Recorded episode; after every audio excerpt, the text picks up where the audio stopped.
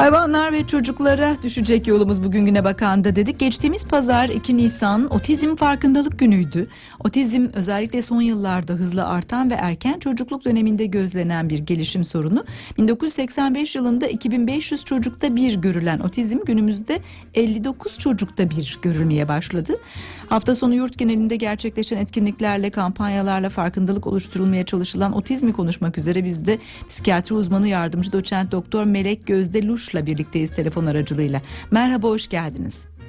Merhabalar, iyi yayınlar diliyorum. Teşekkür ediyoruz biz de katıldığınız için. Evet, otizm spektrum bozukluğu tam da ismi sanıyorum otizmin. Nedir? Belirtileri nelerdir? Şimdi daha sık görülüyor diye duyurduk. 2500 çocukta bir görülürken 1985'te günümüzde Evet. 59 çocukta bir görülmeye başladı. Bu e, otizmin daha yaygın hale gelmesinden mi kaynaklanıyor yoksa teşhiste mi daha farkındalığımız arttı? Sizden dinleyelim. Aslında otizm spektrum bozuklukları diyoruz gerçekten de. Ee, bu bir nörogelişimsel bozukluk sizin de bahsettiğiniz gibi. Erken Evet. çocukluk çağında teşhis koyduğumuz e, belirtilerinde aslında erken çocukluk çağında başladı. Bir genetik e, kalıtımsal olduğunda düşündüğümüz e, bir gelişimsel bozukluk. E, aslında e, tanılanmasının daha fazla olması, e, bilinçlenmenin artması, ailelerin, öğretmenlerin, e, tabii çeşitli branştaki doktorların, hepimizin aslında daha fazla belirtileri yakalamamızdan kaynaklanan bir e, aslında e, otizm sıklığında bir artış gibi e, görünmekte. Yoksa onun dışında beslenme, yaşam koşulları otizm vakalarının artmasına sebep oldu gibi bir sonuca çıkaramıyor muyuz? Hayır öyle bir Evet, sonuç olduğunu evet. düşünmüyoruz. Ee, herhangi bir beslenmeden kaynaklanan, herhangi bir besimden kaynaklanan ya da işte geçmişi çok söylenen aşılardan kaynaklanan, Hı. anne baba tutumundan kaynaklanan, televizyondan vesaire. Hı, hı Bu tip çevresel faktörlerin aslında çok önemli olmadığı aslında e, belirtildi. Çeşitli yayınlarla ortaya kondu. Daha çok bahsettiğim gibi genetik e, ve kalıtımsal faktörler üzerinde duruluyor. Hı hı. Ee, yani bu işin aslında biz e, adı üstünde bir nörogelişimsel bir e, genetik bozukluk olduğunu artık düşünüyoruz. Evet ama tam Yani- da nedeni bilinemiyor galiba değil mi otizmin neden kaynaklandığı? Tabii yüzde yüz e, şu genden kaynaklı olduğunu düşünemiyoruz ama multifaktörel olduğunu ve Hmm. bildiğimiz bazı genler olduğunun artık farkındayız. E, multifaktörel derken tabii bazı e, çevresel faktörler de yok değil. E, mesela e, işte anne yaşından ziyade baba yaşı gibi Hmm. ya da e, genetik faktörlerin ortada olmadığı ya da e, aslında bilmediğimiz bir şekilde aslında genetik yatkınlığın olduğu çocuklarda mesela e, çevresel faktörün çok böyle kısıtlı olduğu ortamlar. Mesela yetiştirilme yurdunda e, uzun süre sosyal ihmal ile uğramış çocuklarda bir takım otizm belirtilerinin görülmesi, reaktif bağlanma bozukluğu dediğimiz gibi. Hı hı. Aslında bazı çevresel faktörler de buna neden oluyor. Ama doğuştan e, gelen bir bozukluk evet. öyle değil mi otizm? Evet, doğuştan aslında çocuğun getirdiği. Fakat bizim e, bir yaşından itibaren işte 9-10 aylıktan sonra hatta bir takım belirtilerle aslında yakalamaya başladığımız Hı hı. deneyimli bir çocuk psikiyatrisi uzmanının aslında e, kolayca hani yakalayabildiği Tanı bir rahatsızlık. evet. Evet. Neler belirtiler? Nasıl fark edilir? Erken çocukluk çağında aslında otizm dediğimizde zaten sosyal, iletişimsel anlamdaki yetersizlikler ve sınırlı tekrarlayıcı davranışlardan bahsediyoruz. Hı hı. Bu sosyal e, alanda ve iletişim alanındaki aslında yetersizlikler tabii yaş gruplarına göre değişiyor. Mesela çok küçük çocuklarda e, işte bir yaşındaki bir çocukta ya da 9-10 aylıktaki bir çocukta mesela seslenince bakmaması, işte annesinin gülümsemesine cevap vermemesi, e, çevredeki insanlar hiç ilgi duymaması, onlar sanki yokmuş gibi kendi başına Hmm. davranması, oyunlara ilgi duymaması, oyuncaklara ilgi duymaması, yaşıtlarına ilgi duymaması gibi. İletişim Küçük yaş- kurmakta zorluk Evet. çekmesi, göz kontağı kuramamak yine sanıyorum Evet, çok belirgin. Evet. Göz kontağı kurmama. Yani tamamen dış dünyadan bazı çocuklarda tamamen dış dünyadan soyutlanmış gibi olma. Tabii iletişimsel anlamda da e, belli bir yaşa ge- belli bir yaşa geldiğinde e, konuşmanın gelişmemesi. Hmm. Mesela bir yaşında bir çocuğun aslında tek tek kelimelerde konuşmaya başlamasını bekleriz. Belli bir e, sayıda kelimeyi çıkartabilmesini. Ve e, söylendiğinde de bazı kelimeleri artık anlayabilmesini bekleriz. tabii bir işitme e, kaybı yoksa, herhangi bir işitmede bir problem yoksa ya da 2 yaşına geldiğinde artık cümle kurabilmeye başlamış olması gibi. Çeşitli yaş gruplarında e, konuşmanın da iletişimin en önemli e, göstergesi olan konuşmanın da aslında gelişmiş olmasını bekleriz. Bu maalesef e, otizmli çocukların e, büyük bir kısmında maalesef gelişmiyor ya da e, konuşmanın yanlış kullanımı gelişebiliyor. Hmm. Mesela konuşmayı başlatamıyorlar, iletişimi başlatamıyorlar.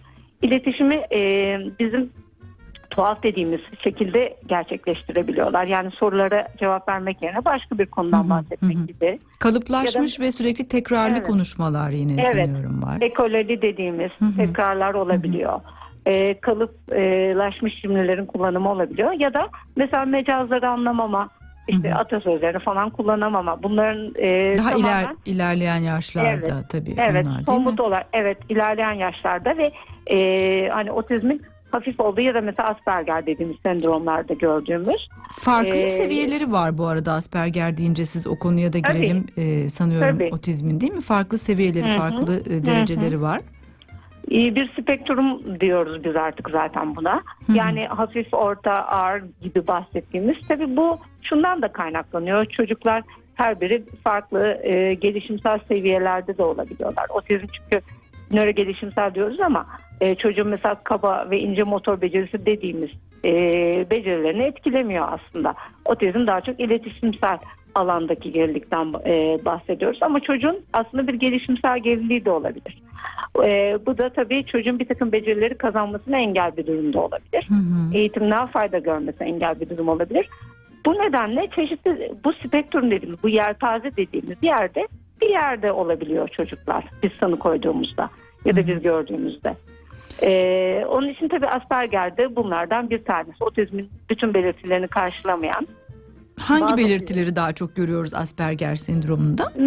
Mesela Aspergerlilerde bu sosyal ve iletişimsel alandaki yetersizlik ya da tuhaflık çok daha belirgindir ve sınırlı tekrarlayıcı davranış dediğimiz hmm. e, bizim e, ya da ilgi alanı. Mesela Aspergerlerde bir özel ilgi alanı muhakkak olmalıdır. Hmm. Bazı otistiklerde e, eğer ağırsa mesela bu çok belirgin olmayabilir. E, yani hani mesela hiç konuşamayan ama elinde devamlı bir poşet sağlayan bir otistik çocuğu düşün. Bu çok ağır bir tablo tabii. Ama mesela bir Asperger gayet güzel bir sözel iletişim kurabilir. E, işini gücünü çok iyi yapabilir. Hı hı. Ama çok tuhaf bir ilgi alanı da olabilir. Ve bu bütün hayatını etkili olabilir. Mesela tarihin herhangi bir özel alanına aşırı ilgisi olabilir. Ve bu konuyla ilgili bütün bilgilere sahiptir ama bütün zamanını mesela bununla geçiriyordur. Bir bize. konuda çok e, yoğun e, derinleşebilir, uzmanlaşabilir. Aslında evet, böyle duyulduğunda evet. hiç de kötü bir şey değil gibi algılıyoruz ama bu bir çocuk için evet. mi zorlayıcı? Tabii sosyal alanda Hı-hı. iletişim kurmaları için zorlayıcı Hı-hı. ama dediğiniz gibi mesela bu kişi e, belki e, böyle bir ilgi alanını işine yansıtabilir ve evet. işinde çok iyi olabilir. Evet. Ama ee, okul zaten... döneminde belki e, okul öncesi dönemde, okul döneminde arkadaşlarıyla olan ilişkilerinde ya da eğitim sürecinin içinde genelinde e, anlaşılamayabilir, dışlanabilir öyle değil mi? Kesinlikle dışlanmalar, ergenlik döneminde yaşanan problemler e, ve e, zeka ile bağlantılı olarak zekaların e, zekanın iyi olduğu durumlarda farkındalık da gelişeceği için hı hı. bu durumun e, maalesef farkına varan bireyler de bir e, yetersizlik ve neden yapamıyorum ve bunun hmm. tabii cevabını verememeyle birlikte depresyon, kaygı bozuklukları dediğimiz ikinci Başka, gerçek rahatsızlıklar. Evet rahatsızlıklar, travmalar olabiliyor. Şimdi zamanımızın Gündeme sonlarına geliyor, yaklaşıyoruz. Evet. Tanı ve teşhisle ilgili epey konuştuk. Tedaviyle ilgili konuşalım. Mesela ne tür terapiler e, tedavide e, bir tedavi mi daha doğrusu ya da e, otizmle birlikte yaşamak adına kolaylaştırıcı rehabilitasyon çalışmaları mı evet. e, olarak Her ifade şey, ederiz? Bunu evet. nasıl yaklaşımlar öneriliyor? Şöyle söylemek e, doğru olur. Aslında otizmin tedavisi dediğimizde otizmin tabii bir ilacı hani herhangi bir ilaç verip evet. otizmi düzeltmek şeklinde ya da e, herhangi bir işte uygulama yaparak işte e, bir otizmin e, tedavisi diye bir şey söz konusu değil aslında. Hı hı. Tek bir tedavi yöntemimiz var diyoruz. Bu da eğitim. Hı hı. Yani şu anda %100 kanıtlanmış tedavi yöntemimiz aslında eğitim. Hı hı. Ama tabii ki buna ikinci e, yani ilaç kullanımı gibi. Hani hem yan e, psikiyatrik rahatsızlıklar geliştiğinde e, hem de bir takım davranışsal sorunlar eklenirse eğer bunları çözmek adına kullandığımız elbette ilaç tedavileri e, ya Ve işte terapiler belki değil mi? Tabii, tabii. İlk aşamada Bazı oyun terapiler. terapisi örneğin önerilir belki. E, bunlar tabii terapi türleri biraz otizmin e, hem derecesine hem de çocuğun e, dili ve işte ne kadar kullanabildiği, Evet. ne kadar anlayabildiğiyle de bağlantılı. E, ama eğitim dediğimiz yani otizme özel yönelik, e, otizme Özel yönelik eğitim. eğitim Evet. özel eğitim programları zaten bu alanda eğil olan, bu alanda eğitim almış kişiler tarafından uygulandığı için aslında e, şu anda en çok yarar görülen ve en çok bizim e, önerdiğimiz eğitim. Ve o Ee, eğitimin diyebilirim. sürekliliği çok önemli sanıyorum öyle değil mi? Kesinlikle. Kesinlikle ne kadar erken başlarsa onun için erken tanı. Ne kadar sık olursa haftada alınan eğitimin e, kalitesi ve saati ne kadar fazla olursa o kadar fayda görüyor tabii ki çocuklar. Farkındalık e, adına 2 Nisan Dünya Otizm Günü çok önemli. E, farkındalık Kesinlikle. çünkü ilk belirtileri gözden kaçırmamak adına yine çok önemli. Erken tanı yol almada, e, doğru yol izlemede yine e, yapılması gereken ilk adım belki de atılması gereken. Kesinlikle çok önemli. E, hem ailelerin hem e, işte pediatristlerin hepimizin hepimize düşen aslında erkenden bu belirtileri fark etmek e, ve bir an önce e, çocuğa yardımcı olacak bir eğitim programına aslında yerleştirmek. Her çocukta farklı olabilir birbirinden belirtiler. Ee, ama ailelerin özellikle ilk belirtileri gözden kaçırmamak adına iletişim kurmakla ilgili, e, sözcüklerle ilgili, evet. göz teması ile ilgili, belki bu e, dönen e, objelere olan ilgiyle ilgili uyanık olmalarında fayda var diyelim. Evet kesinlikle ve en ufak bir şüphede e, kesinlikle bir çocuk ergen psikiyatrisine danışmaktan çekinmesinler. Evet. E, yardım almaktan çekinmesinler. Çok teşekkür ediyoruz. Kolaylıklar, Ben sağlıklı teşekkür günler diliyoruz. ederim. İyi günler Hoşçakalın. diliyorum.